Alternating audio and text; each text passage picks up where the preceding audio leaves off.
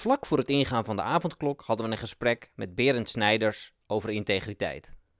Namelijk het idee, een, beetje integer bestaat niet. Uh, integriteit gaat over jou als persoon, niet over je handelen. De integriteitkaart trekken heeft gewicht. Uh, en daarmee zie je dus dat er vaak een enorme lading wordt gegeven over... jongens, we gaan het vandaag over integriteit hebben. En dat, doe, en dat doen we in een vertrouwelijke setting. Probeer daarvan weg te blijven, want het gaat juist over dat grensvlak tussen professionaliteit en integriteit.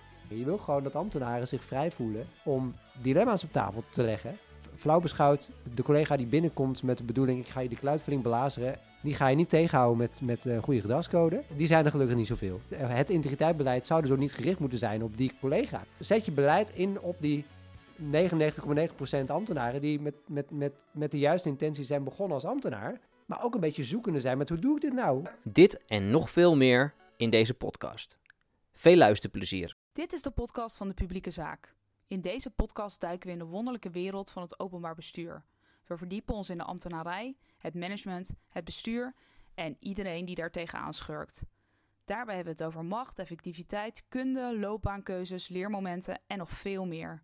Wij zijn Laura Huigens en Jarno Deen, twee bevlogen ambtenaren die zowaar een podcast zijn begonnen. Hoe maken we het beter en hoe maken we het leuker? Daar draait het om. Veel plezier!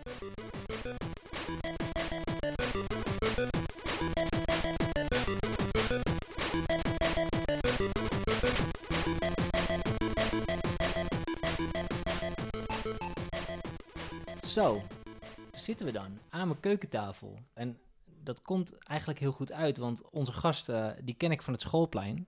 Berend Snijders. hoi Berend. Dag Jarno.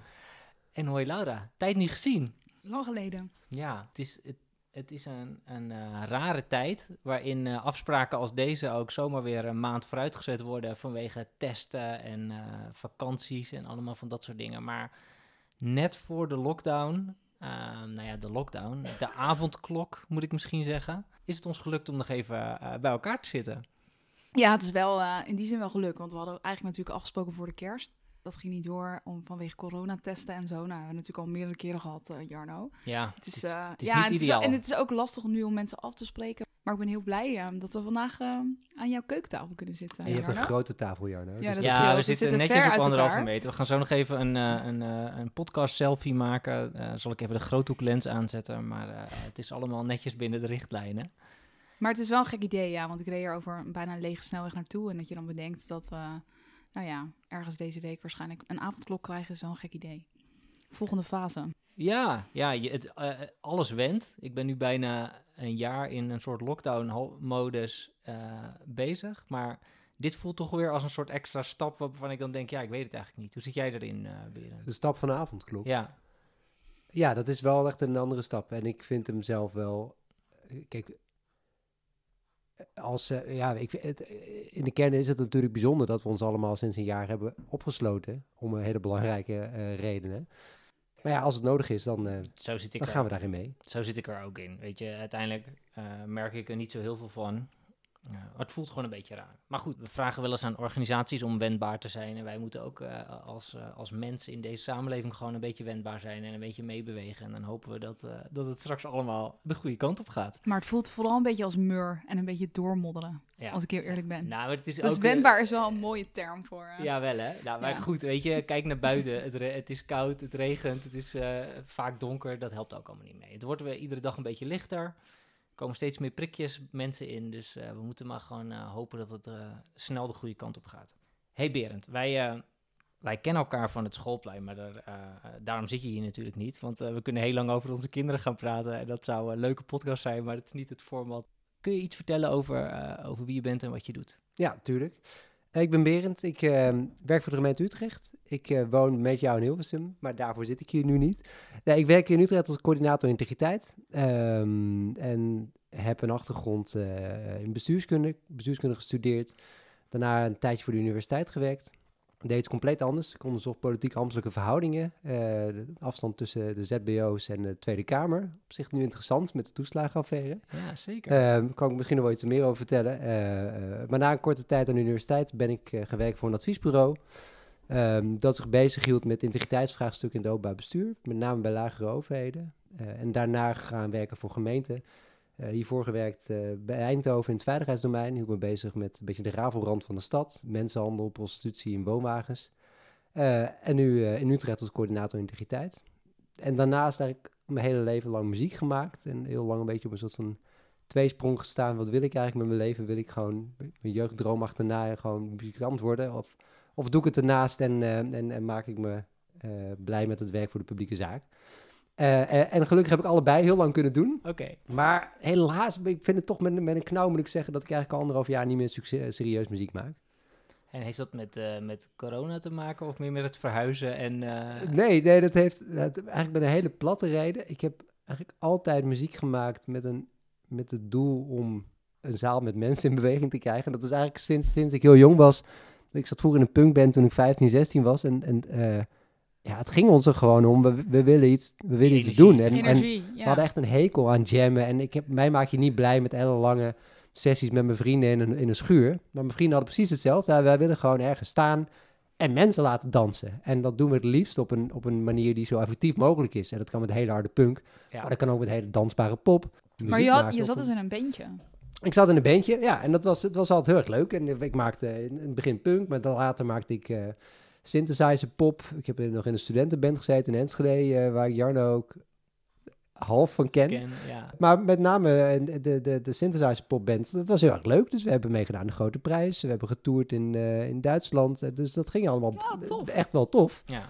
Maar ja, er, er zat dus een en, einde aan. Kunnen, en het einde kunnen mensen het vinden? Kunnen, het staat nog steeds op Spotify. En daar ben ik nog steeds wel trots op. Het heet Try Acrobatics. Uh, Dus misschien dat vandaag de inleidende muziek... Uh, uh, ik zal even kijken of ik het erin kan zetten. Ja, nou, en we zetten het toen ook in de show notes. Heel goed. Nou, Try Acrobatics heet het. Um, maar het, het, bestaat nog steeds. En, en ik merk nu nog een bepaalde zendingsdrang dat ik... Ik heb nog steeds wel een goede synthesizer. En ik heb een piano en ik heb gitaren. Dus ik merk nu dat ik... vaak? Ik ben dit weekend begonnen met pianoles voor mijn dochter. En ergens denk ik ook wel, want ik, dit, ik klinkt nu een beetje zuur van... joh man, ga gewoon muziek maken, als je dat zo leuk vindt. en ik denk eigenlijk dat ik dat over een paar jaar wel weer ga doen. Uh, dat het wel weer komt. Maar ik zie het me niet voor me dat ik plezier ga halen uit gewoon jammen. Um, nee, je moet wel, ik moet op. Nee, het gaat om de energie en de beweging. Kun je dat terugvertalen naar je werk? Dat je ja, ik heb wel een podium nodig. Dat is wel iets wat ik herken. Dus ik, ik merk dat ik heel veel uh, ja, ik haal wel energie uit, uit korte projecten waar ik iets naar me toe kan trekken en op een eind op mijn zeepkist kan staan en, en, en daarna het, het gordijn dicht kan, als het ware. Dat klinkt een beetje raar, maar dat vind ik wel iets hebben. En ik weet dat daar ook wel mijn kracht zit. En dus het meer langdurige onderhoud of het uh, repetitieve, zeg maar, het, het jammen? Het jammen, dat, nee, dat, dat, dat is hem niet. Nee. Ehm, eh, en ik kan dus ook wel met een half verhaal eigenlijk de bühne op. Dat is misschien een beetje een vreemde, maar... Je kan uh, goed improviseren. Ik kan aardig improviseren. Ja, dat. Dus ik, ik kan wel een parallel leggen met mijn werk. Ja, een van de werkgevers waar je voor gewerkt hebt is volgens mij Bing. Zeg ik het dan goed?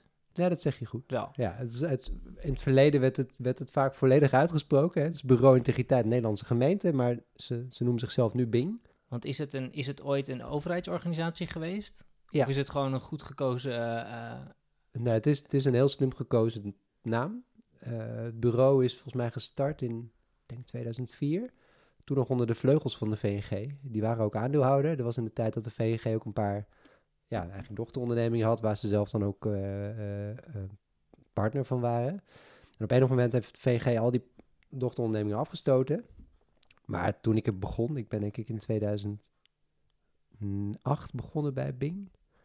Uh, toen merkte je wel dat, dat Bing wel nog steeds in de Rolodex van ongeveer alle gemeentes zat. als die partij die je moet bellen, if the shit it's the fan. Nee, want daar ken ik ze ook van. Is dat ze um, een soort, ze waren de go-to partij als er uh, wethouderskandidaten waren. Uh, ja, die moeten allemaal een soort screening krijgen voordat ze benoemd kunnen worden door de gemeenteraad. Ja, dan zullen ongetwijfeld ook andere bureaus voor zijn. maar daar ken ik het in ieder geval van. Ja. Maar ook als er dus problemen zijn. Nee, klopt. Dingen klopt. Ik, ja, ik benoemde net, ik, ik kwam van de universiteit. Ik heb daar kort gewerkt als... Uh, uh, ik begon met een uh, AJO-traject. Ik ben daarmee gestopt en toen kwam ik bij Bing. En Bing bestond toen, denk ik, uit een man of acht. Dat is een ongelooflijk klein bureau. en ze deden dus, voor de mensen thuis, ze deden onderzoek naar vermeende integriteitsschendingen, met name bij lokale overheden. En ze deden dus ook veel rond preventie en rond uh, ze deden audits, dus aan de, aan de voorkant gaven ze vaak trainingen, met name gericht op de raden eh, eh, eh, de hoe gaan we om met morele vraagstukken? Hè? En, wat, en, en, en, wat vinden wij wat van elkaar mag worden verwacht? Hoe, hoe vatten we, wat vatten we in een gedragscode? Maar met name staat ze aan de achterkant. Hè, dus wat als er signalen zijn van vermeende schendingen? Denk aan vermeende belangenverstrengeling door een wethouder rond grondposities of machtsmisbruik door een burgemeester. Ehm, vaak was dan bijvoorbeeld de trigger een lokale journalist die doorhad: hey, hier moet even worden gegraven. Ehm, en dan kwam dan op enig moment bij de raad of bij de griffie of bij de burgemeester die dacht: en nu moeten we toch hier serieus naar gaan kijken. En dat kunnen we niet zelf. En dan werden wij toch wel vaak gebeld. Ehm, eh, eh, en er zijn nog wel meer bureaus eh, eh, eh, eh, die, dat, die dat uiteraard ook deden. Denk aan de, zeg maar, de grote vier, ook de, de, de, Ja. zeg maar, de accountancybureaus die Ja. dat dan deden. Maar voor integriteit bij gemeenten wa- ja, kwam Ja. men toch best vaak bij ons terecht. En dat was wel vreemd, want ik weet nog dat ik begon en ik was toen 25. En het eerste onderzoek wat ik ging doen, dat was denk ik week 1 dat ik daar begon. ehm, nou, dat ging over een, het handelen van een burgemeester die in opspraak was. En de eerste hand die ik schudde toen dat nog kon, hè, pre-corona, Ja. was de natte hand van een eh, zeer ervaren burgemeester. Eh, Oh ja. Dus en dat was mijn start in, in het doen van integriteitsonderzoek. En gelijk ook een soort van binnenkomen dat ik dacht, wat de hel, waar ben ik aanbeland? Ja. Ik, ben, ik ben een broekie van de universiteit. Ik heb een net pak aan. Ik heb een stropdas voor voor de gelegenheid. Maar ik ben, snap je, Ja, ik heb ben ik nul niet. En je ervaring. voelt je heel jong, je bent het en hier, ook staat, nog. hier Ja. staat echt een schuddende man die, die, die, die me doodsbang aankijkt en bevreesd is voor wat wij straks gaan opschrijven. Ja. Eh, en dat is, die, die, die blik is me eigenlijk nooit meer, eh, ja, is er nooit weggegaan. die is nooit meer weggegaan. En daarmee dus ook wel de impact van de, de onderzoeken die je doet. En ik durf te beweren dat je dat als broekie niet doorhebt. Nee, Dan ben je alleen maar bezig met, dan ben je alleen maar gefocust op, ik moet de goede dingen hier doen. En ik denk dat ik nu pas, ook vanuit de andere rol, of ook vanuit gemeentekant, doorheb wat, wat, wat Wat voor een impact het heeft op de organisatie die je achterlaat. Ja, Als en- je En de mensen. En, Ja. en de mensen Ja. als je zo'n groot onderzoek optuigt. Ja, en ook de, het belang van de woorden die je kiest. Eh, Ja. Ik kan me voorstellen dat je, eh, zeker als je net begonnen bent, dat je, eh, dat, je daar, dat, je, dat je dat nog niet zo ziet. Maar ik heb hier in de gemeente Hilversum ook een paar van dit soort onderzoeken eh, in de raad gehad de afgelopen jaren. En, en eh, het is, heeft A, enorme impact op, op de mensen zelf, maar ook hun families. Eh, eh, ook gelet op alle eh, gedoe wat er omheen bestaat. Maar ook ja, de termen die daarin gebruikt worden, die, dat blijft doorhebben in de cultuur van een raad of in de, of in de journalistiek of iets dergelijks. Dus het is ook nog eens heel bepalend hoe je dingen opschrijft. Maar wat grappig dat je, want het lijkt me ook ingewikkeld, want uiteindelijk probeer je natuurlijk gewoon een soort waarheidsvinding te doen.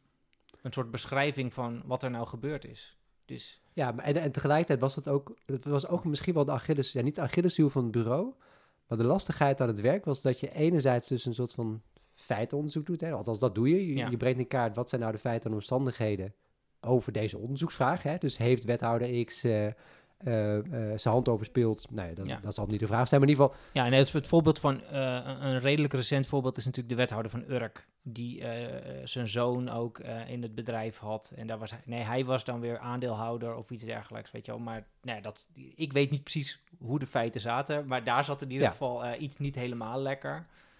Ehm, ja, en dat moet dan op een goede manier onderzocht worden. Ja, maar de lastigheid zat hem vooral. Hè, dus dat onderzoek, daar werd je voor gevraagd. Maar de, de, de, de truc zat hem er ook in dat een bureau zoals wij eigenlijk ook standaard werd gevraagd door een raad om ook een oordeel te geven over die feiten. Hè. Dus men had dus met elkaar een gedragscode afges, eh, Mhm. vastgelegd. Maar vond het dan ook wel heel fijn om eigenlijk de discussie voor te zijn, hè, zodat niet zij zelf, ja, dat klinkt misschien wat flauw, hè, maar het, het, het, het maakt het gesprek makkelijker als vast het externe bureau zelf een voorschot zou nemen op wat moet je hier nou van vinden, juridisch en moreel. Is dat ook, Ja, En dat is ongelooflijk kwetsbaar. En dat is misschien ook wel de lastigheid geweest van dit soort bureaus, hè? omdat het je ook als bureau kwetsbaar maakt. Ja. Want dat wordt je natuurlijk wel nagedragen op het moment dat je inderdaad daar ook eh, de niet juiste woorden bij, althans woorden bij pakt die, die kunnen worden betwist. Ja. Ehm, Hé, maar eh, in die zin is een, eh, een haakje naar, naar het nu, ehm, eh, het ongekend onrecht eh, eh, eh, verhaal. Die commissie heeft eigenlijk ook voor een, die heeft niet alleen een feitenonderzoek gedaan. De toeslagenaffaire. Ja, voor de toeslagenaffaire. Die hebben toch ook wel, eh, daar zit ook wel een deel ehm, daar zit duiding in. duiding Ja, in. nee, dat is waar. Ja. Ja. Dat zat er van het begin af aan volgens mij vrij sterk in, hè? Ja, nou is het ook een politieke commissie, dus dat maakt het natuurlijk hoe dan ook anders. Maar ik kan me voorstellen dat als een bureau dat dat nog extra ingewikkeld is, ja. Maar leuk, want ja, nou ja het is denk ik interessant voor, eh, voor heel veel mensen om te zien hoe zo'n bureau nou in die zin een beetje werkt. Uh, maar je bent, daarna ben je bij Eindhoven aan de slag gegaan, op hetzelfde, beetje op hetzelfde onderwerp. Een beetje op hetzelfde onderwerp, maar ik, ik realiseerde me wel, ik had... Uh, integriteit is in zekere zin natuurlijk een vrij eng thema. Is, de, het gaat nou, het, het, is een relatief klein thema en ik had gewoon interesse in de, de, volle scope van wat doen gemeentelijke organisaties eigenlijk. Dus ik had de hoop, ik wil me eigenlijk gaan verbreden. Dus ik uh, ben in Eindhoven gestart, eerst een kwartier maken integriteit, om daar het integriteitsbeleid uh, voor de ambtelijke organisatie eigenlijk onder de loep te nemen en eigenlijk te herinrichten. En daarna ben ik me gaan verbreden en ben ik bestuurlijk adviseur geworden. Uh, had een rol, wat heel leuk was, in het inwerkprogramma van de nieuwe burgemeester daar. Oh, dat is oh, ja. leuk. En ben daarna adviseur geworden bij veiligheid en was programmamanager voor een paar thema's. Dus ik stond dan al wat voor woonoverlast. Uh, en had ook uh, prostitutie en mensenhandel en woonwagenzaken in mijn portefeuille. En vond dat ongelooflijk interessant, omdat je dan dus veel meer dan wat ik met integriteit deed. Wij waren daar echt bezig met partijen in de stad, de ja. woningcorporaties, de, de, het leger des heils, de politie, de belastingdienst, om, ja, om een slag te maken op die thema's. en dat, was, dat vond ik echt gaaf. Dus als het gaat over op die zeepkist staan, ja, ik vond het heel gaaf om in Eindhoven uh, met, met uh, met sociale partners in de wijk aan de slag te gaan met hoe gaan wij die overlast hier aanpakken. En dat start met het groen in de wijk. Dat, snap je, het, het begint, het, het, eigenlijk alle domeinen hadden daar een rol in. En wij zaten aan de achterkant met veiligheid. Ik zat bij veiligheid. Maar dat ging over het sociaal domein. Het ging over verwarde personen, bij wijze van spreken, in de wijk. Het ging over ruimtelijke keuzes die worden gemaakt. Uh, dus over het groenbeleid, bij wijze van spreken. Hoe vaak wordt er geharkt? Uh, uh, en uiteindelijk, als je daar gaat terechten, komt het uit bij signalen van concrete woonoverlast. En wat kun je dan met buurtbemiddeling en dergelijke? En helemaal aan het eind van het verhaal, wat kan je nou doen ook zeer repressief met bijvoorbeeld bestuurlijke besluiten om mensen tijdelijk uit hun woningen te zetten, ja. slash restricties op te leggen over het gebruik. Hè? Dus je hebt nu bijvoorbeeld de wet woonoverlast biedt dus gemeenten de, de mogelijkheid om bij zware overlast uh, aan de inwoners zeggen: jij mag tussen 8 uur s avonds en 5 uur s ochtends geen muziek draaien. Serieus? Nou ja, uh, uh, als je dus aan de voorkant alles hebt doorlopen, ja, nee, dat snap ik, dat snap ik. Dan, maar... dan hebben we dus nu een instrumentarium dat je in de APV in de gemeente kan vastleggen. Hè. Wij kunnen dus hele concrete maatregelen opleggen. En daar kan dus bijvoorbeeld een dwangsom tegenover staan. Ja, en, en dat is dat dus best verstrekkend. Dat en dat soort dingen, dat, daar, daar werkte jouw nou, ik, ik, was dus verantwoordelijk voor het thema woonoverlast. Ja, ja. Hè, en had dus, uh, uh, had dus wel een rol in het op gang brengen van eigenlijk die beleidskeuze, beleid, ja. uh, nou, de implementatie van beleidsmaatregelen. Dus ik, ik, had een rol bij buurtmiddeling, maar ook aan de achterkant bij zware complexe casuïstiek zat ik wel met, met bijvoorbeeld, vaak, vaak was het dan toch een woningcorporatie die ook aan zet was. en met politie, bijvoorbeeld met de wijkagent, om te kijken, wat heb je nu aan dossier? En is dat nu voldoende voor zo'n voor zo'n aanwijzing door de burgemeester? Ja ja, dat was toch wel donders interessant. En dan zit er toch wel weer een haakje bij bij integriteit. Want dat gaat natuurlijk ook over... hoe neem je nou de juiste beslissingen die recht doen aan de belangen van iedereen? Ja. Um, en dat is bijvoorbeeld bij woonoverlast een ongelooflijk lastige vraag. Hè? Ja. Nou, dat is wel natuurlijk heel mooi dat je dan soort van uh, in zo'n nieuwe rol zo dicht op, nou ja, gewoon dicht op mensen. Uh, dit zijn allemaal problematiek die heel erg geraakt aan mensen en, en wijken. En, uh, nee. en, als je daar zo dicht op werkt, dan krijg je natuurlijk ook wel hands-on mee ja, voor wat voor dilemma's mensen komen te staan. Hoe je de hele tijd soort van het schipperen bent tussen, tussen belangen. En uh, ja, je, ja, je, je hele tijd je kompas aan het richten bent. Wat vind je ervan? Hoe gaan we ermee om? Uh, hoe, lo hoe, lopen we de juiste stapjes? Ja, je zit dicht op de uitvoering. En ik denk dat daar uiteindelijk, uh, daar gebeurt het uiteindelijk. En dat is, dat is deels van, met de toeslagenaffaire of al die andere dingen die nu spelen. gaat het natuurlijk ook om, wat is, nou eigenlijk, wat is nou het effect op mensen? En is dat wel de bedoeling geweest van wat we eigenlijk bedacht hebben met elkaar? En, uh, ja, daar zit je natuurlijk wel dichterop. Ja, bij dan heb je in ieder geval, daar, daar, heb je in ieder geval dan directe contact mee. Ja, dus ja. dat is in die zin leuk. Hey, even een, een vraag die ik altijd al heb willen stellen in deze podcast. En jij bent volgens mij, durf ik niet helemaal eerlijk te zeggen, want ik ben een beetje warrig vandaag. Volgens mij ben jij de eerste kwartiermaker in onze podcast. Ja, dat, nou, dat, uh, dat weet ik niet, hè? Maar er is, een, er, is een, er is een grote groep kwartiermakers in Nederland. Ik weet nog dat ik begon als kwartiermaker in, in Eindhoven. En dat ik uh, op LinkedIn mijn profiel wijzigde en dat ik gelijk een uitnodiging kreeg voor het kwartiermakerschilder. Nou, dat was echt wel... waar? Oh, eh, ja? ja. Dus ik voelde, een soort van, ik voelde me echt een soort van ridder aan een ronde tafel met allemaal eh, andere kwartiermakers die eh, bezig waren met kwartier maken. Ja. Maar ik vrees dat ik de vraag eh, kan invullen. Wat doe je als kwartiermaker? Althans, is dat je vraag? Ja, ja. Het is natuurlijk een afschuwelijke titel. Ehm, De lege het, het eerlijke antwoord is het, is, het is een beetje een Japke D-titel, maar het komt uit het leger. Want als kwartiermaker ben je verantwoordelijk voor het, ehm, ja, heel flauw voor het kwartiermaken, maar je gaat zeg maar voor de troepen uit om een soort van eerste kampement op te maken en om dus een inventarisatie te maken. Wat hebben we nodig om eigenlijk de, de hele organisatie, in dit Ja. geval de legerorganisatie, eh, eh, de stap voorwaarts te maken om daar aan te komen. Dus je, je bent bezig met eigenlijk een soort van business case eh, over hoeveel troepen hebben we nodig. Ja. Wat is eigenlijk de horizon, bij van spreken. Dus kwartier maken ben je eigenlijk een soort van ja, werkvoorbereider, Precies. maar dan op beleidsniveau. Maar hoe heb je dan bij een. Kijk, heb je ook een soort nieuwe afdeling moeten maken? Want ik, ik, ik, ik relateer het vaak ook aan het creëren van een nieuwe eenheid of het creëren van een nieuw onderwerp. Maar daar hangen ook vaak. Zit vaak. is- Heeft het met, ook met een harkje en dergelijke te maken. Eh, maar hoe heb jij dan. Heb je het onderwerp integriteit gewoon op de kaart gezet binnen Eindhoven? Moet ik het zo Nou, in? Eindhoven was dat best een, best een cruwe opdracht. En dat kan ik best zeggen. Nu ook van een- mijn rol. Voor mij is dat niet. Ga ik daar niet te ver in of zo. Maar ehm, een kwartier maken impliceert eigenlijk dat je geen achterland hebt. Ja, Ehm, precies. eh, en bij integriteit is dat natuurlijk heel raar. Want Ja. het is een thema van, al, van alle dag. Ja. Eh, en heeft natuurlijk altijd historie. Ehm, maar het vreemde was in Eindhoven dat Eindhoven voor Nederlandse begrippen een best wel stevig integriteitsbeleid had. Namelijk, Eindhoven had een eigen bureau integriteit. Oh, serieus. Oh, Daar zat een paar FTE op. eh, Een bureau dat eh, advies gaf, maar ook zelf onderzoeken verrichtte. Ehm, en eh, voor het tienjarig jubileum van het bureau integriteit, en dit, is, dit klinkt best hard, maar dacht men dat het waardevol zou zijn om een evaluatie te doen van eh, de staat van de organisatie Ja. op het integriteitsbeleid. En dat was een vrij hard rapport waarin eigenlijk werd benoemd, nou, op zich waardering voor het feit dat, eh, dat, dat, eh, dat Ja. dit is gestart. Maar de wijze waarop dit bureau is ingericht, dat, dat maakt het wel kwetsbaar. Want ze hebben zowel repressie en preventie in één hand. Hè? Ja. Dat maakt het al lastig.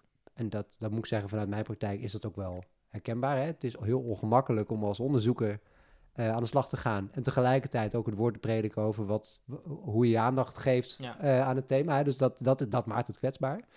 Ehm, maar het was dus wel een lastige opdracht, want ik begon als kwartiermaker, maar dat was gewoon een organisatie. Je had een bureau integriteit, maar eigenlijk was daarvan gezegd, dat willen we niet meer. ja. Dus ga aan de slag hoe je op een, op een gezonde manier eigenlijk, eh, anno 2018, eh, het integriteitsbeleid in de gemeente vorm zou geven. Maar dat ging dus bijvoorbeeld over, nou, eh, ik, ik, ik, moest gaan nadenken over het bemensen van inderdaad een coördinatorfunctie, maar ook een meldpunt integriteit, of willen we eigen onderzoekers? Bijvoorbeeld verkennende gesprekken gehad in de regio, willen we bijvoorbeeld, ehm, omdat je best veel ziet dat nou, dat is, dat is misschien ook nu te snel. Maar bijvoorbeeld verkennende gesprek gehad in de regio over bijvoorbeeld een regionaal Ja, bureau kan ik integriteit. me heel goed Ehm, voorstellen, omdat je dan ook onderzoekers vanuit andere organisaties... Eens, er zitten dat je- allerlei... dat je het is altijd moeilijk maakt. natuurlijk om in je eigen organisatie aan zo'n thema te werken. Omdat het gewoon eens. En, collega's en, zijn. en wat je ziet in, in gemeenteland, en dat is wel waar. Ik bedoel, in het land der blinden is één oog koning. Eh, eh, heel veel kleine gemeenten hebben natuurlijk helemaal geen capaciteit om zo'n thema bij de hoorns te pakken. Nee. Eh, eh, en dan wordt het vaak deels belegd bij een arbeidsjurist eh, eh, voor 0,2 FTE. Maar dan kan je net niks. En dan zie je dus, als je problemen hebt, ja, dan, dan is, heb je meteen een probleem. En dan moet je dus naar zo'n extern bureau. Ehm, ja, en dan nodig je vier bureaus uit. Die overdonderen je allemaal met eh ongelooflijke lappen en informatie en, en flinke bedragen. Hè? Dus Ja. dan, dan zet je een krabbel onder iets waarvan jij eigenlijk nog niet eens weet, waar beginnen we aan? Dit klinkt heel hard. Nee, Ehm, maar dit maar is ik vrees dat het soms wel waar is. Ja, ja. Eh, en aan de andere kant ja, wil je ook niet altijd je eigen bureau. Dus we hebben wel eens toen ook stevig nagedacht... zouden we niet in de regio dit gezamenlijk kunnen optrekken? Want er is ook wel eens landelijk nagedacht over... zouden we niet een soort van rijksdienst Ja. moeten hebben... voor integriteitsonderzoek bij overheden. Ja. Hè? Zoals bijvoorbeeld Rijksrecherche heeft. Ja. Maar dan voor integriteitsonderzoek bij gemeenten. Nou, dat, heeft, dat, dat acht ik niet kansrijk, hè?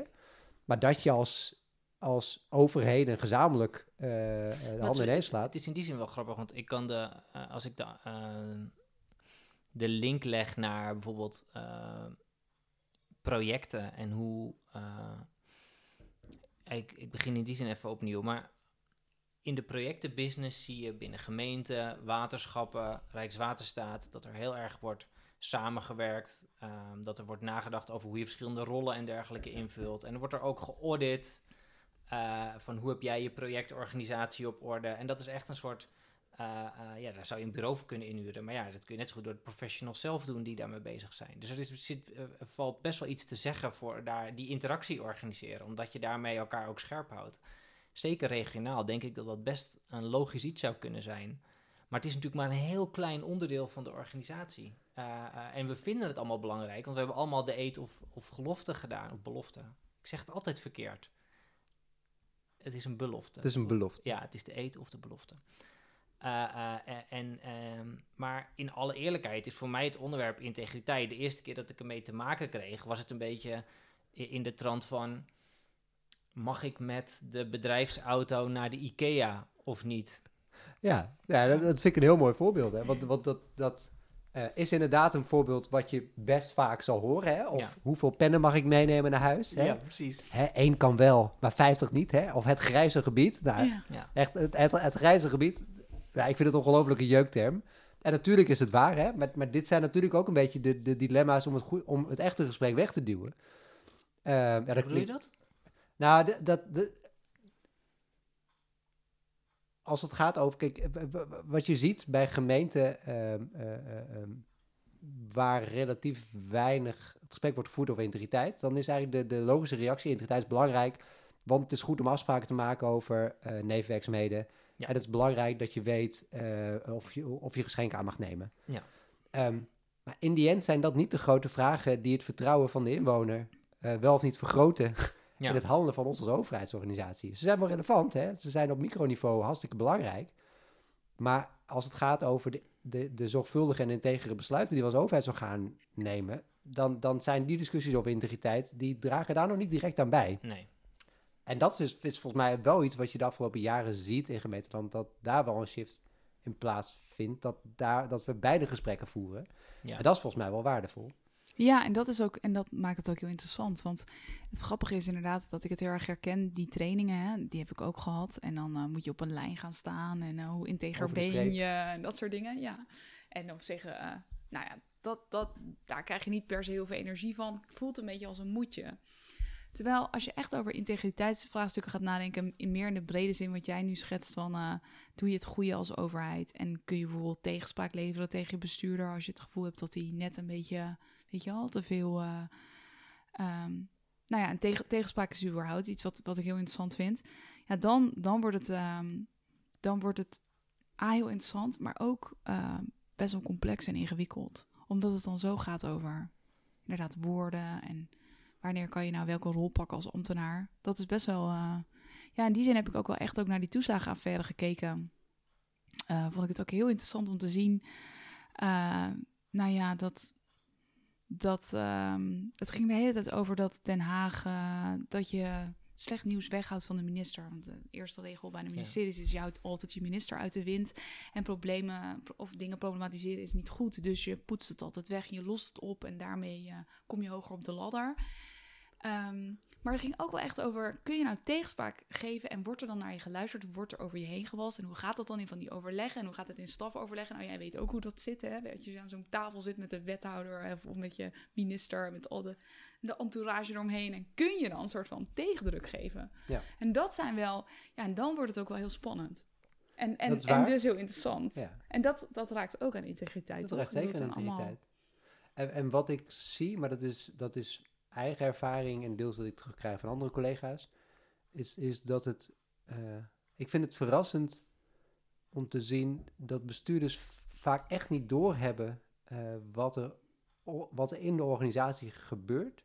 En dat bestuurders echt blij zijn als het echte verhaal op tafel komt. Ja. Uh, dat klinkt een beetje vreemd misschien, hè?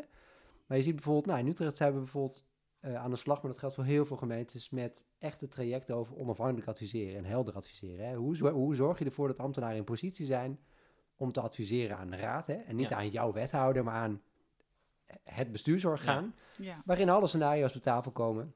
En niet alleen dat ene scenario waarvan jouw wethouder dacht, nou dat vind ik best wel een sympathiek idee. Um, maar je ziet dus ook dat, dat uh, op het moment dat je dat doet, hè, dus hypothetisch, stel jij weet dat jouw wethouder uh, uh, groot voorstander is van scenario A, En je brengt op tafel bij het college dat scenario B en C eh, eh, eh, prima scenario's zijn. En dat er wellicht zelfs een ambtelijke voorkeur ligt voor A, maar dat de wethouder scenario nou, de andere interessant vindt. Dan zie je dus dat bij het college vaak dus de reactie is, wat fijn dat dit gebeurt. Wat goed dat wij in de, in de gelegenheid worden gesteld om dit gesprek hier bij elkaar te voeren.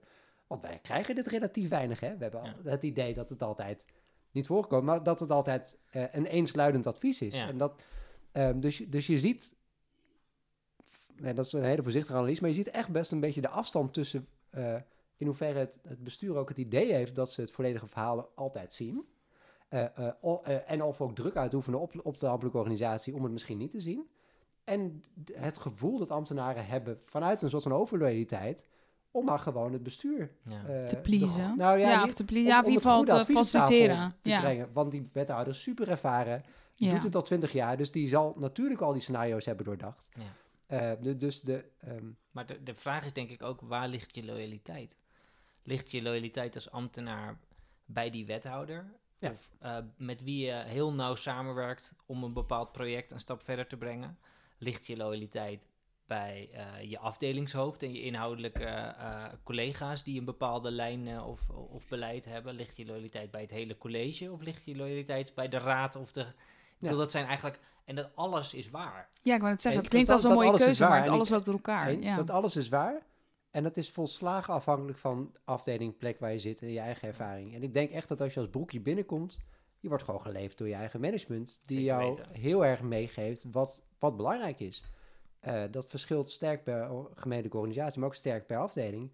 Op sommige plekken word je vanaf moment één echt ingepeperd. De raad is de baas en de opgave van de stad moet altijd de focus zijn waar jij voor werkt. En bij anderen is het gewoon het belangrijkste overleg dat wij elke maand hebben, is de stafvergadering van jouw wethouder. En ons werk gaat over die vergadering. Ja. Ehm, eh, en beide zijn relevant, Ja. natuurlijk.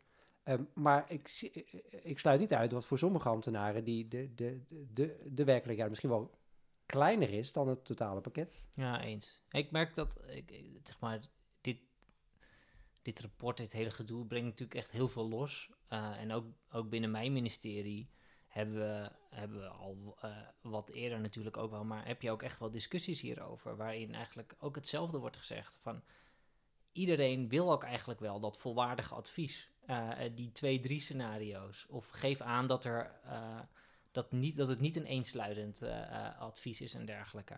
Maar dat moet dus kennelijk nog steeds gezegd worden. Het is Ja. niet een soort standaard modus waarop mensen dat doen. En je hebt natuurlijk een soort format van stukken wat erbij kan helpen. Eh, weet je, hoe schrijf ik een stuk? En als het format uitnodigt om verschillende perspectieven te laten zien, dan word je in ieder geval daar gedwongen over na te denken. Maar uiteindelijk is, gaat het er natuurlijk om wat is de cultuur binnen de organisatie en hoe kijkt je leidinggevende eh, en de wethouder of de, de bestuurder daartegen. Eens. En in de hele red race van, van de hoos aan onderwerpen, het gebrek aan tijd, is het ook heel menselijk dat je keuzes maakt. En Dat dat, je denkt, ik, ik kan dit college, kan mijn bestuurder niet opzadelen met een scenario-analyse eh, van 25 pagina's, want dat wordt toch niet gelezen. Nee, maar het is ook het, eh, wat natuurlijk ook gewoon zo is, is van als jij eh, twintig onderwerpen hebt waarvan er vijf urgent zijn, dan kun jij niet in een week vijf hele goede stukken maken. Dat kan gewoon niet. Nee. Dus dan maak je vijf stukken waarbij je, nou ja, met een zesje kom je er zeg maar misschien wel doorheen. En dan is het ook goed genoeg.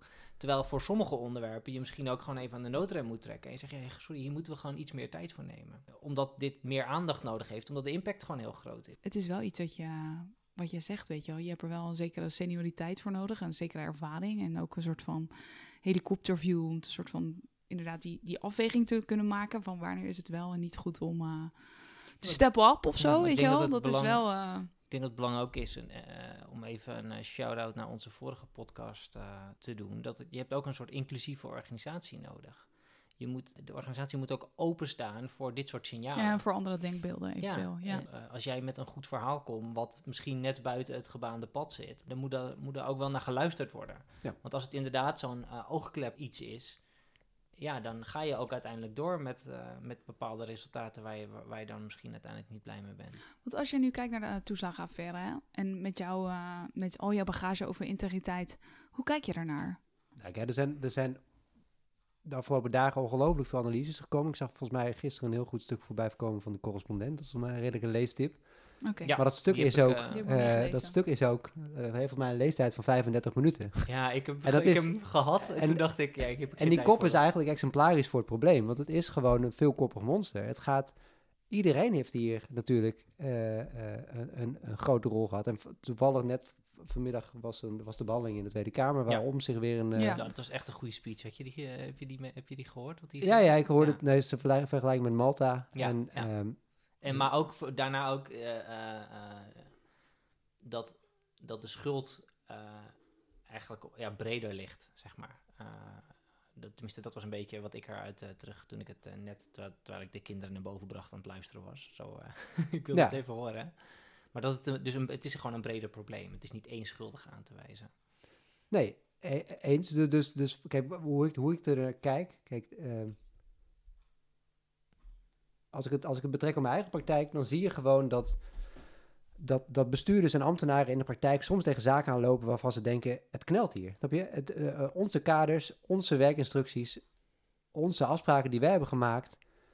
Wij zien dat het, dat het in de praktijk leidt tot situaties waarbij die, die mooi doordachte beleidsregels eh, niet bijdragen aan de oplossing voor de meest kwetsbaren in onze samenleving. De tragiek van goed bedoeld beleid. Ja, en, en dat is natuurlijk van alle tijden. Ja. Maar ik, en, en het is te makkelijk om te zeggen dat casuïstiek nu complexer is dan 20 jaar geleden. Dat, dat vind ik flauw, hè? Maar, nee, dat is denk ik ook Eh, wel dus- waar. Ehm, eh, eh, maar, maar, maar de grote puzzel is: hoe zorg je voor een systeem waarin je en in, in staat bent om, om die om ambtenaren dus de, de, de ruimte te geven om dus die afwegingen, om, om, om, om bewegingsruimte te geven om die maatwerkoplossingen te bieden. Hè?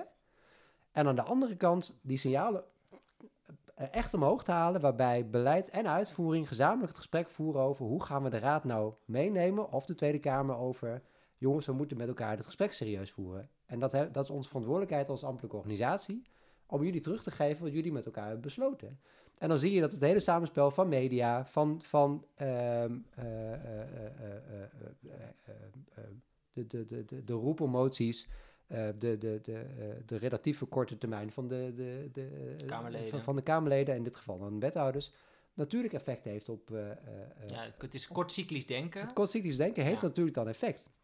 Eh, eh, en daarmee dus misschien dan dus ook de, de, o- de ooievaarstrategie, eh, is het? Nee, sorry, de... Ja, ostrich. ehm, zeker.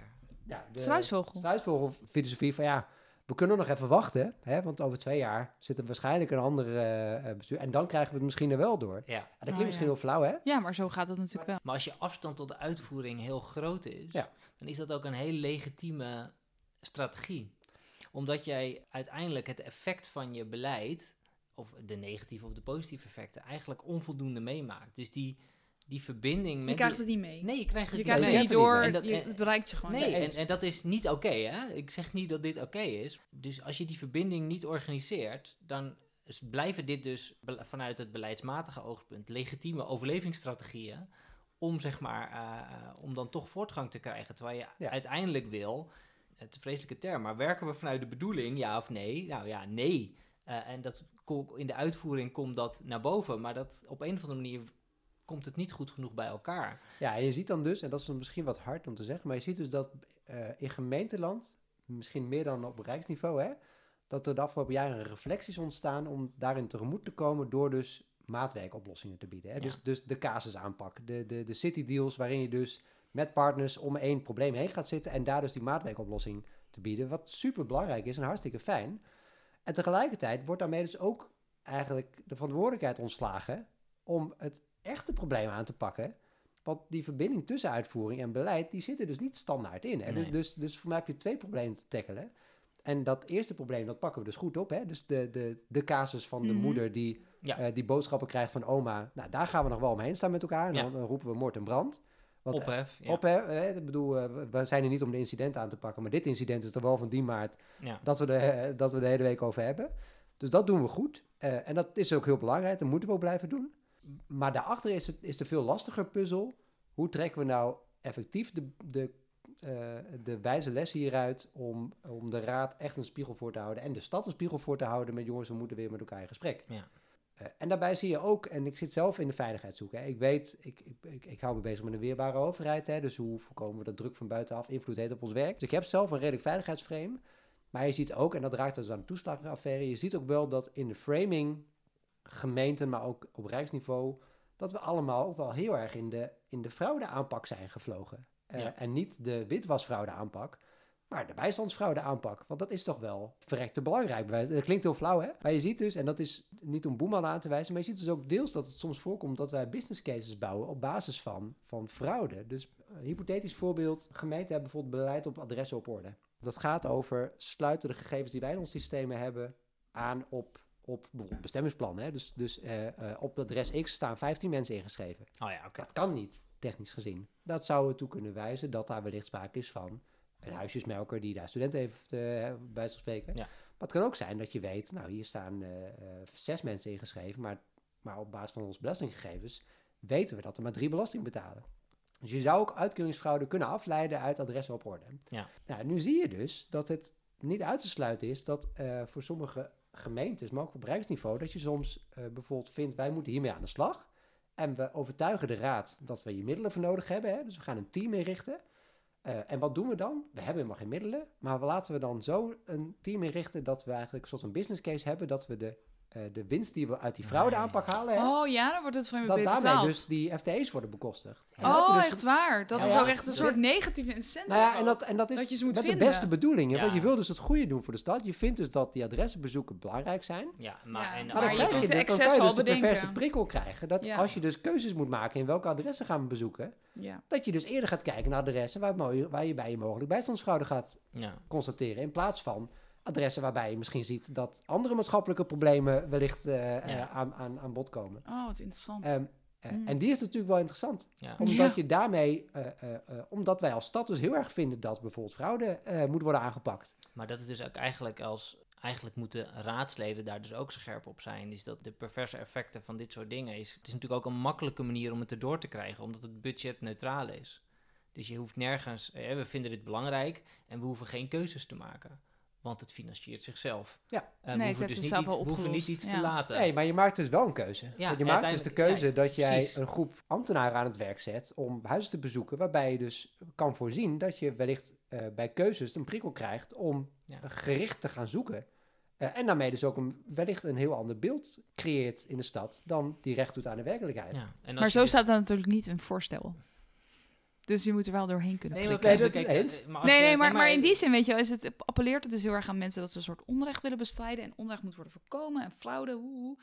Maar dan, ehm, ja, maar dit is de schaduwzijde ervan. Nee, ja, ik en dat is natuurlijk, dit is eigenlijk, volgens mij zijn er tal van dit soort voorbeelden. Ja, Waar er zeker. een soort van perverse prikkels in zitten. Dat je denkt, ja, eh dat gaat ook zichzelf versterken, zeg maar. Deze mensen gaan dus op zoek naar. Nee, maar ik ben, ik ben ook ik ben in eh, november begonnen als commissielid voor D66 hier in de ge- eh, gemeente Hilversum. De algemene discussie in de raad gaat over wat kost het? Hebben we er budget voor of niet? Eh, plus ja, wat, wat voor doel bereiken we ermee? En als inderdaad er in een voorstel staat, nou, we, we zorgen ervoor dat, dat eh, fraude tegen wordt gegaan en het is budgetneutraal. Nou, dan heb je een, een groot aantal partijen, heb je al mee. Eh, Dat klinkt terwijl- ook hartstikke het interessant. klinkt ook hartstikke goed. Terwijl als de effecten eh, daarvan zijn hoe je het net beschrijft. Dus het is denk ik ook voor, ra- voor raadsleden, eh, los van voor ambtenaren die zich moeten afvragen, moeten we dit willen voorstellen op deze manier, is het ook voor raadsleden eh, en, voor al- en voor de andere bestuurders ook belangrijk dat ze zich bewust zijn van eh, wat het effect is van dit soort dingen. Eens. En dan is het dus ook echt relevant dat je als ambtenaar ervoor zorgt dat jouw verhaal Volledig is. volledig is en getoetst is ook bij collega's uit compleet andere domeinen. Ja, Want ik durf te geloven dat die ambtenaar die dit voorstel schrijft van werk en inkomen of van veiligheid oprecht overtuigd is. Dit is een maatschappelijk probleem. Wij moeten hiermee aan de slag. nee, Eh, maar dat, dat is eigenlijk de tragiek ervan. Dat er wel degelijk. eh, Het is met de beste intenties Ja. waarschijnlijk. En dat Ja, was maar natuurlijk uiteindelijk met de toeslagen. nagedacht, Maar dat is natuurlijk het hele idee, is dat iemand bedenkt dit. Ja, maar dat is met de toeslagenaffaire een- ook. Ja, precies, de impact wel, we gaan die Bulgaren bestrijden die, eh, die, die, die, die onterecht die, eh, Ja.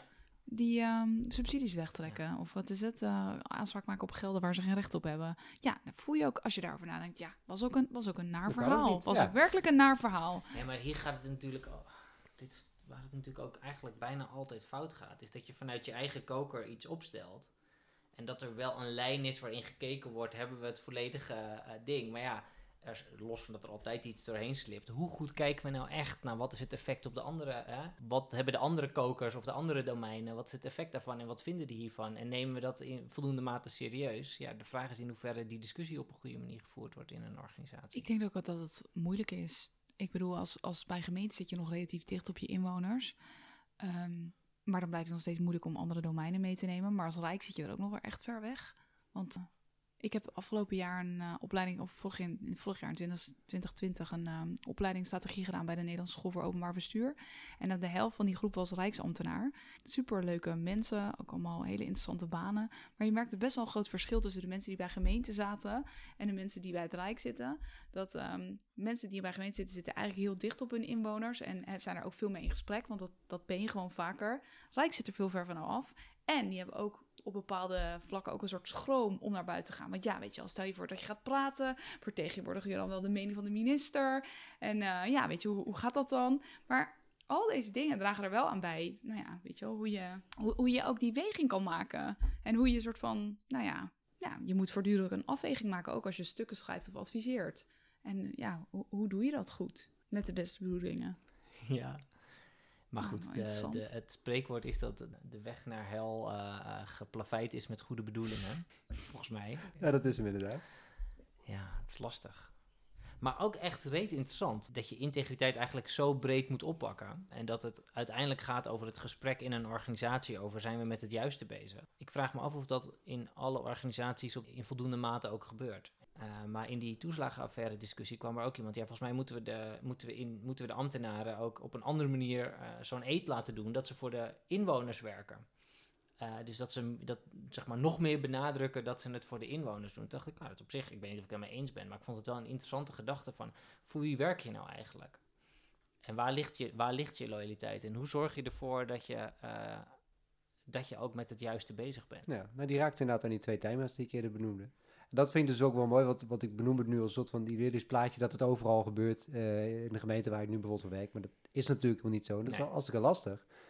Maar je ziet bijvoorbeeld wel dat Utrecht daar een slag in heeft gemaakt. We hebben bijvoorbeeld nu een gedragscode vastgesteld waarin we benoemen dat bijvoorbeeld eh, omgaan met bevoegdheden een belangrijk thema is op integriteit. Hè. Dus bijvoorbeeld omgaan met spullen van de gemeente is belangrijk. Hè. Dat zijn een beetje de klassieke voorbeelden, maar omgaan met de bevoegdheden is relevant. Want het Ja. gaat dus over, ik ga, zal geen misbruik maken van de bevoegdheden die mijn functie voorschrijft. Hè. Ik zal als BOA geen inwoners te hardhandig aanhouden, bij wijze spreken. Ja, of ik ga niet eh, kijken in de, In, eh, in de basisregistratie. van die bekende voetballer. Ja.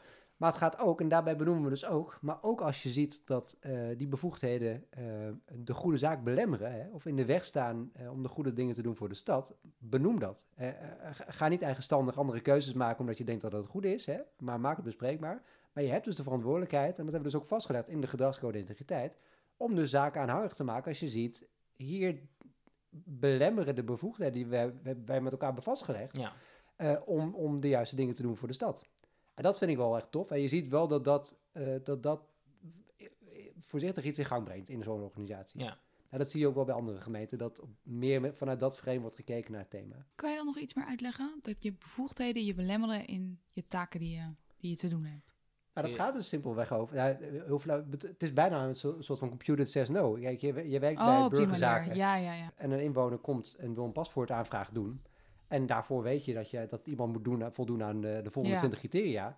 En elke dag komt er een maatwerkoplossing, eh eh, maatwerkvraagstuk bij jou aan de balie. Nou, het destillaat van die maatwerkoplossing, dat gaat over waar we het net over hadden. Hè? Hoe, Ja. hoe zorg je nou voor dat, dat we daarmee aan de slag gaan in beleid?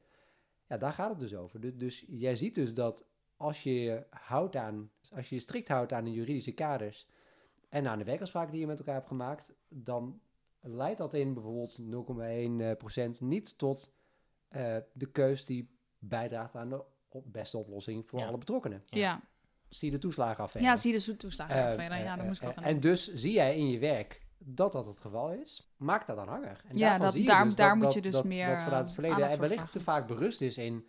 Ja, ja het, is Zo nou het eenmaal, nu het is eenmaal. nou eenmaal de keus die wij als gemeenteraad hebben gemaakt.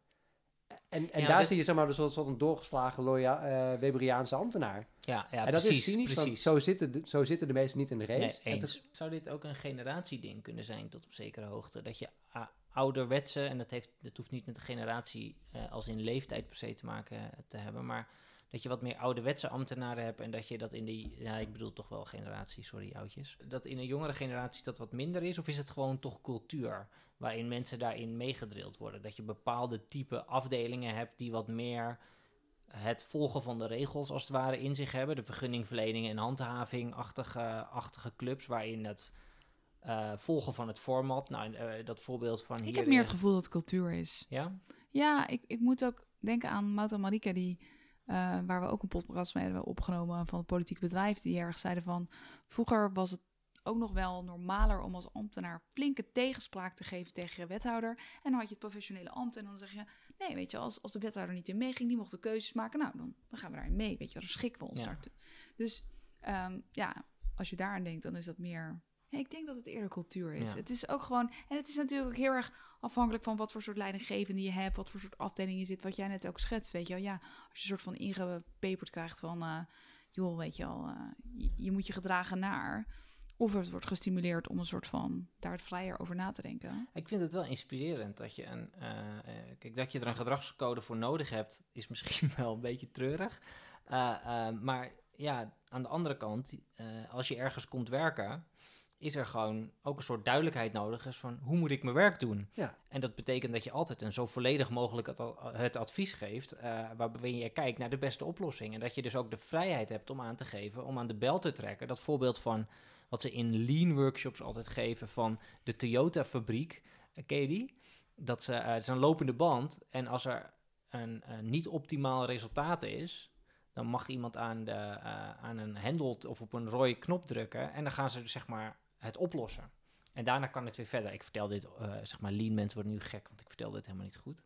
Eh, maar het idee is wel, is dat je een proces hebt wat je altijd continu moet willen verbeteren. Maar je moet dus ook durven te zeggen, eh, buiten, buiten de lijntjes te kijken, van volgens mij is er, is er een optimalisatie mogelijk, want zijn we niet met het juiste bezig. En wat is dan jouw werk? Want ehm, zo'n gedragscode, hoort, hoort dat er ook bij? Of weet je wel, ik kan me voorstellen... Mijn idee is zeg maar dat je, dat je, dat je vooral het onderwerp van die integriteit aan het, eh, aan het aanjagen bent... of vorm aan het geven bent bij de gemeente. En dat het dus niet zo erg gaat over mensen die niet integer zijn. Dat ze bij jou aanbellen zo van... Hallo, ik heb hier Jarno en die eh, heeft dus wel 10 wc-rollen meegenomen. oké. Nee, over Jarno krijg ik wel best veel signalen. Nee, het, ehm, ja, wat is mijn werk? Eh, ik, ja, ik heb een rol in de beleidsontwikkeling. Hè? Dus Ja, bijvoorbeeld zo'n zo'n gedragscode, gedragscode. daar- die, die, eh, die schrijf je mee. Ja, Eh, maar het gaat eigenlijk over alle facetten van integriteitsmanagement. Dus, dus ik denk na over hoe creëer je een zo mogelijk veilig mogelijke werkomgeving. Hè? Dus hoe screenen we onze medewerkers, maar ook hoe hangen we, houden we een vinger aan de pols als mensen binnen zijn. Hè? Dus hoe gaan we om met kwetsbaarheden. Dus, nou, nu bijvoorbeeld met corona. ehm, het is te voorzien in een gemeente zoals Utrecht met eh, bijna 4000 FTE... dat er collega's zijn wiens partner hun baan gaan verliezen. Eh, of wie is misschien zelf ehm, eh, de, de ZZP-rol die, erna, die ze ernaast hebben, dat die onder druk komt te staan. Heeft natuurlijk effect op de financiële positie van die collega's. Ja. nou, wil je daarop voorzitten? Vind je het waardevol om, om die signalen op te pikken en met in gesprek te gaan met de collega's over hoe verhoudt het zich tot de rol die je vervult? En is het misschien handig om bepaalde taken misschien voor een bepaalde tijd niet te doen. Niet uit argwaan, maar gewoon uit bescherming van je medewerker. En dat, nou, daar gaat, de, daar gaat de, de rol dus ook over. Ehm, je, je had het eigenlijk over de vraag, eh, wat doen mensen nou, eh, eh, komen ze ook bij jou eigenlijk met meldingen? Dat niet, maar nee, wel dat met- dacht ik ook niet. Maar ik dat niet, wel maar, even... maar wel, met, wel met vraagstukken om, om te sparren als je, als je twijfelt. Vaak komen leidinggevenden met de vraag, joh, eh, eh, eh, is het gepast om, om, om, om afspraken te maken? Nou, hypothetisch, eh, bij een gemeente zoals Utrecht komen heel veel mensen werken die, een, die, die afkomstig zijn uit bijvoorbeeld de commerciële sector of die een andere werkgever Oh ja. hadden. Ja. En de vraag is bijna altijd relevant. Op welk moment voel jij je senang vanuit je rol bij de gemeente om bijvoorbeeld accounthouder te worden of opdrachten te verstrekken aan je oud-werkgever? Ja. Nou, die vraag is natuurlijk relevant. Ja. Eh, dus dan denk je mee met leidinggevenden over wat zijn gepaste termijnen, hoe verhoudt het zich tot... eh, en, en dat zijn, het- ja, dat zijn hele, misschien, misschien wat knullige vragen, maar die Ja, kunnen maar wel heel wel relevant heel- zijn heel als ze relevant. politiek heel Ja. eh, eh, hot kunnen zijn. Ja. Dus ik denk na over casuïstiek. eh, eh, eh, eh, eh, en ben zijdelings betrokken als, als binnenonderdelen grote onderzoek voordoen. Dus dan denk je na over wie zou dit moeten doen? Nou ja. Hoe, hoe ga je dit onderzoeken? Eh, hoe trekken we lering uit die onderzoeken? Dus het gaat over morisprudentie als het ware. Hè? Dus wat vinden we nou als werkgever van, van gedragingen door ambtenaren? Ja. Eh, daar doe ik wel wat in. En wat, wat daarbij wel mooi is, dat raakt een beetje wat je net zei, te loops. Dat gaat eigenlijk ook over rakelingen in je werk. Want ehm, ja, dat gaat toch een beetje over het grijze gebied. Maar je- Rakelingen. ja, rakeling is een beetje een gek woord misschien, maar het gaat over... ehm, ja, het is niet zwart-wit. Soms maak je keuzes die, die op het randje zijn, maar waarvan je ziet van ja, hier leren we wel met elkaar van. En eh, dit gaan we de volgende keer wel anders doen. Ja, Maar echt fout is het niet. Dus Nee. we snappen, gegeven de situatie, dat dit is gebeurd. En het, eh, dat raakt, eh, ik zeg het nu eigenlijk in relatie tot het voorbeeld aan aan de, Ja. in de, aan de lean-machine. Hè? ja. Je wil dat collega's het gesprek voeren over die rakelingen. En dat is misschien wel het meest lastige bij integriteit. Hè? Of het nou over een casus is met een maatwerkoplossing of over je eigen dilemma. Je wil dat mensen aan de bel trekken op het moment dat je denkt... shit, ik zit nu ja. eigenlijk klem. Oh ja. Eh, eh, want daar wil je van leren. Eh, Ja. Want dat biedt dus de perfecte voorbeelden om, om eerder in het traject Ja. eh, eh, eh, aan de bel te trekken, slash oplossingen te zoeken. Maar dat is echt een black box. Want daar zie je dat, dat en dat is, ik weet niet of het iets anders is, ik denk dat dat gewoon voor heel veel medewerkers geldt. Hè? Gewoon uit lijfsbehoud. De vrees dat, Ja. je, eh, dat je iets aanhangig maakt waarvan je misschien wel een hele grote tik krijgt. Precies, of misschien nog ook vanuit het idee, ehm, als, ik, als ik nou net nog dit of dit doe, dan is het, eh, Dan corrigeren we het dan gaat het weg, zeg maar. eens. Ja. Eh, eh, en dat is ongelooflijk lastig. Ja, ik wilde in die zin ook, eh, in een soort concluderende vraag stellen. Of jij, als je, als je nou met dit onderwerp bezig bent, of je nou bij een eh, kleine of bij een grote gemeente eh, werkt of bij een ministerie. Wat zijn nou dingen die je, die je wel moet doen en dingen die je niet moet doen? Nou, te beginnen met wat. Ja, het is zo fijn om te beginnen met wat moet je wel doen. Maar het is de voorbeelden van, van wat moet je niet Is doen zijn makkelijk. vaak makkelijker. Ja, Nou, het eerste voorbeeld wat je niet moet doen is de gordijnen dicht doen als je het over het onderwerp gaat hebben. Misschien een beetje een gekke. ja nee. ik, ik, ik denk dat je begrijpt wat ik bedoel. Ja. Mhm. Ehm, wa- want er zit wel een reflect. Kijk, integriteit, daar kleeft natuurlijk wel een. een eh, het, heeft natuurlijk, het, het- er zit natuurlijk een stigma op. Namelijk het idee. ehm, eh, een, een beetje integer bestaat niet. Eh, integriteit gaat over jou als persoon, niet over je handelen. Dus eh, de integriteitskaart trekken heeft gewicht. Dat benoemde je net ook over de onderzoeken in Hilversum bij spreken. Hè? Ja. Of in ieder geval het thema integriteit. Ja. Als, als, als je, en daarmee zie je dus dat er vaak een enorme lading wordt gegeven over... jongens, we gaan het vandaag over integriteit hebben. Eh, ehm, eh, en, dat doe, en dat doen we in een vertrouwelijke setting. Dat, dat klinkt misschien flauw, maar probeer daarvan weg te blijven. Want het gaat juist over dat, dat, dat grensvlak tussen professionaliteit en integriteit. Hè. Je wil dus, dat gaat over die rakelingen. Je wil gewoon dat Ja. ambtenaren zich vrij voelen om dilemma's op tafel te hebben, eh, of te leggen. Eh, want eh, f- flauw beschouwd, de collega die binnenkomt met de bedoeling... ik ga je de kluitvering belazeren... ja, dat, die, die, eh, die ga je niet tegenhouden met, met een goede gedragscode. Nee, En die, En die zijn, zijn er ook gelukkig... niet zoveel. Die zijn er gelukkig niet zoveel. Nee. Eh, en mijn eh, het integriteitsbeleid zou dus ook niet gericht moeten zijn op die collega's. Want ja, dat is nogal naïef. En dat raakt een beetje aan de fraude eh, Ja, nee, eh, precies, vraag. ja, hè? Dat ja. gaat een beetje over Ja. de framing. Dus, dus zet je beleid in op die 99,9% ambtenaren... die met, met, met, met de juiste intentie zijn begonnen als ambtenaar...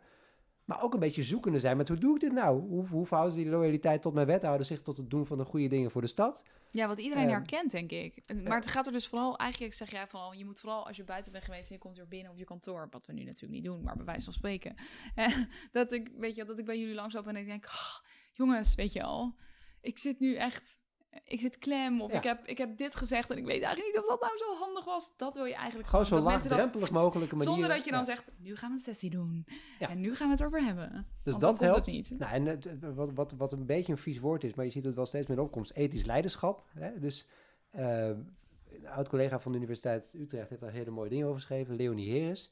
Maar dat gaat dus over de, de rol die je als manager zou moeten vervullen in het, eh, in, in het goede doen.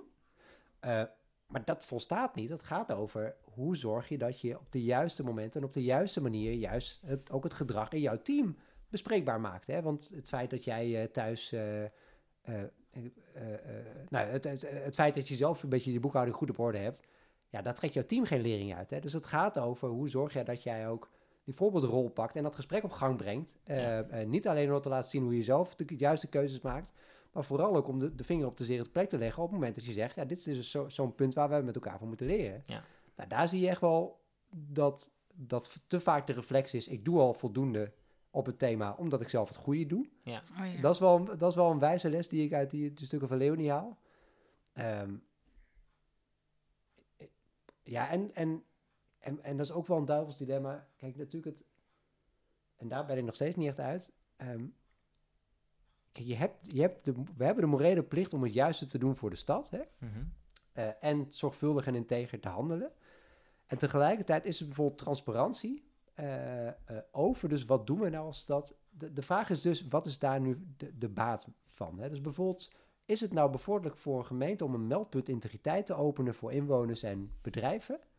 Of heeft het een soort van boemerang effect, omdat je eigenlijk ervan uit kan gaan dat daarmee het vertrouwen in je organisatie schade wordt aangedaan? Ja, op het moment En dat, je is het dus een benoemt, hele lastige. frame je het Want- eigenlijk al want- dat er een want- probleem want is. je ziet dus dat het echt een soort van katalysator-effect heeft op het moment dat je dus de ruimte biedt, bijvoorbeeld een klachtrecht, hè? Ja. Ja. Eh, ehm, ehm, eh, en dat is, dat is wel lastig. Dat, en dat zien we in Utrecht ook wel de puzzel. Met, met vinden we nou dat we eigenlijk alle registers open moeten doen? Hè? Dus, dus sch- schiet maar, als Ja. het ware. We zijn vogelvrij, maar we hebben ook niks te verbergen. Of zeg je, wij hebben als werkgever de plicht om goed om te gaan met de signalen. Maar eigenlijk houden we de coulissen gesloten. En je mag ervan uitgaan dat we het goede doen voor de stad. En dat is wel een lastige vraag. Ja. Ehm, waarom zeg je dit nu? Nou, dat is meer een soort van puzzel van... Ik, ik- daar ben ik ook nog niet uit, vanuit mijn, Nee, precies. vanuit mijn rol, wat, wat daar het goede in is. Nee, want aan de ene het kant wil je, je hè, wat je zegt, je moet niet de gordijnen dicht doen. Eh, je moet open zijn over de dingen eh, die zijn. Maar het, is, het, eh, het levert ook een bepaalde mate van. Laat ik het zo zeggen. Als je, als je alles opengooit, ehm, dan stel je jezelf ook heel kwetsbaar op. En eh, kwe- kwetsbaar opstellen klinkt natuurlijk altijd leuk, maar dan stel je jezelf ook eh, open op een bepaalde vorm van eh, misbruik daarvan. En je moet natuurlijk uitgaan dat mensen altijd het goede willen doen. Maar ook in een politieke organisatie of in een. kunnen, kan daar ook wel echt misbruik van gemaakt worden. En aangezien je zo'n onderwerp als dit altijd heel serieus neemt, ehm, is het ook een soort. kunnen mensen het ook als een soort machtsmiddel inzetten. Ja. En dan is het wel. eh, eh, en als je merkt dat dat gebeurt, is het ook wel heel gevaarlijk. eh, gelet op de impact en al die dingen die we met elkaar besproken hebben. Dus ik snap dat duivelse dilemma wel. Je wil uiteindelijk je wil er op een goede manier mee omgaan. Je wil transparant en je wil gewoon laten zien dat je het goede doet op een goede manier. Maar als het op een verkeerde manier gebruikt wordt, heeft het gelet op de impact ook wel. dat, dus het is gewoon ingewikkeld. Ja. Nou, wa- wat bijvoorbeeld een leuk voorbeeld is, toen ik begon in Utrecht. ehm, nou, ja, dat kan ik volgens mij wel benoemen. Ehm, het, Utrecht heeft geen centraal meldpunt integriteitsschendingen intern. Dus we hebben een systeem waarbij binnen de onderdelen signalen serieus moeten worden opgepakt eh, en dat wordt geregistreerd. Ehm, andere G4-gemeentes, dus de grote vier, Ja. Amsterdam, Den Haag, Rotterdam, hebben vaak een eigen bureau. Ehm, en dan zie je dat het aantal eh, geregistreerde meldingen aanmerkelijk hoger ligt. Dus dus wat je ziet is dat bijvoorbeeld in Utrecht waarschijnlijk vooral de grote cases, hè, dat, die, dat die in beeld zijn, dat die worden Ja. geregistreerd. En alles wat kleiner is, wat raakt aan professionaliteit, dat dat eigenlijk niet in de midden wordt geschikt, maar dat wordt opgelost in de afdeling. Ja. En eh, dus dat is eigenlijk buiten het beeld bijvoorbeeld van de raad. Nou, dat kan om moverende redenen, hè. Ja. dat hoeft niet slecht te zijn. Maar ik weet dat toen ik begon, eh, in 2018, dat, dat de constatering was dus, het aantal meldingen ligt relatief laag hier. Nou, dat, daar kan je heel veel van vinden, hè, maar kun je allemaal al niet op loslaten. En het jaar daarna lag het aantal meldingen hoger. Ik was daar niet rouwig om, omdat ik, eh, omdat ik het indruk had dat we een beter beeld hadden van wat er Ja, zich in de precies. organisatie voordeed. ja. Maar dan zie je dus gelijk de reflex, want wij rapporteren daarover in een jaarstuk aan de raad. En dan is dus de, de, de kop ehm, eh, eh, meer ambtenaren bij de gemeente over de scheef. Hè? Ja, De- de- ja, ja, ja. Ja, dus, ja, dus, ja. dus je ziet, en, snap je? Dus, ehm, Ja, als je het zoeklichtje erop richt, dan zie je ze ook. Ja. Eh, want, en dat heeft dus denk ik oprecht effect op de, het vertrouwen van de Utrechter eh, in, in, Ja. in de gemeente. En dat is natuurlijk wel relevant en ook wel een dilemma. Wat, wat, wat vind je daar nou van? Vind je gewoon dat je de, dat wij als organisatie het eigenlijk binnenboord moeten houden en de goede dingen moeten doen? Of zeg je jongens, alle coulissen over? Nou, dat is eigenlijk wat ik net zei. ja. Mooi, volgens mij moeten we naar de laatste vraag. Berend, wat denk jij dat de grootste uitdaging is voor het openbaar bestuur op dit moment? Nou, De grootste uitdaging is volgens mij dat het noodzakelijk is om wendbaar te zijn. En tegelijkertijd altijd rekenschap kunnen afleggen over de keuzes die je maakt. En daarbij is bijvoorbeeld communicatie, vrees ik, wezenlijk belangrijker dan 20 jaar geleden. Eh, en, en, en ik weet niet of we daar het, nu het niet goed doen. Maar volgens mij is, de grootste uitdaging is, hoe zorgen we dat inwoners ons serieus blijven nemen? Eh, je ziet dat er een steeds groter gedeelte van de inwoners volgens mij zich toch in enige mate afwendt van eh, mainstream media. Besluiten die worden genomen. Nou, Omtzigt zei het vandaag nog, hè? De, Ja. de, de innige relatie tussen het kabinet en deze Kamer, maar ook Ja. tussen het kabinet en de pers. als er kritische vragen worden gesteld in de Kamer, is de vraagsteller de gebeten hond. Ja, dat wil je, dat wil je voorkomen. Ehm, en dat, dat, en dus daar zou je in enige mate dus een kentering moeten aanbrengen. En dan gaat het toch een beetje over die coulissen los, denk ik. Ja. Dus leg het maar op tafel. Eh, eh, en ga niet, eh, ja, ga niet alles zwart lakken. En dat is dus wel, dat is wel een lastige, want dat, dat gaat over dat draagt het, en voor integriteit vind ik dat dus echt wel lastig, want draagt het bij aan het vertrouwen van de inwoner? Denk het niet. Ik denk als we alles op tafel leggen, hè, er zijn ook mooie onderzoeken door gedaan bij collega's van de universiteit, dat, dat hoeft niet ten bate te zijn voor het vertrouwen van de inwoner in het handelen van de overheid. En daar kan ik me wel En iets dat, voor en dat, is, voorstellen. dat is, vind ik een Duitsers dilemma op integriteit. Als het gaat over de overheid aan zich, hè, zorg ervoor dat je wendbaar blijft en tegelijkertijd in die snelkookpan en onder die druk altijd staat voor de keuzes die je maakt, die dus recht doen aan de belangen van een ieder. Eh, en dan kan het zijn dat die keuze heel erg wrang aanvoelt of super ongemakkelijk is. Ehm, maar ga dan echt uitleggen waarom je het doet. Ja. Dankjewel. Ja, zeker. Dankjewel. Nou, dank jullie wel. Ik vond het, vond het een leuk gesprek.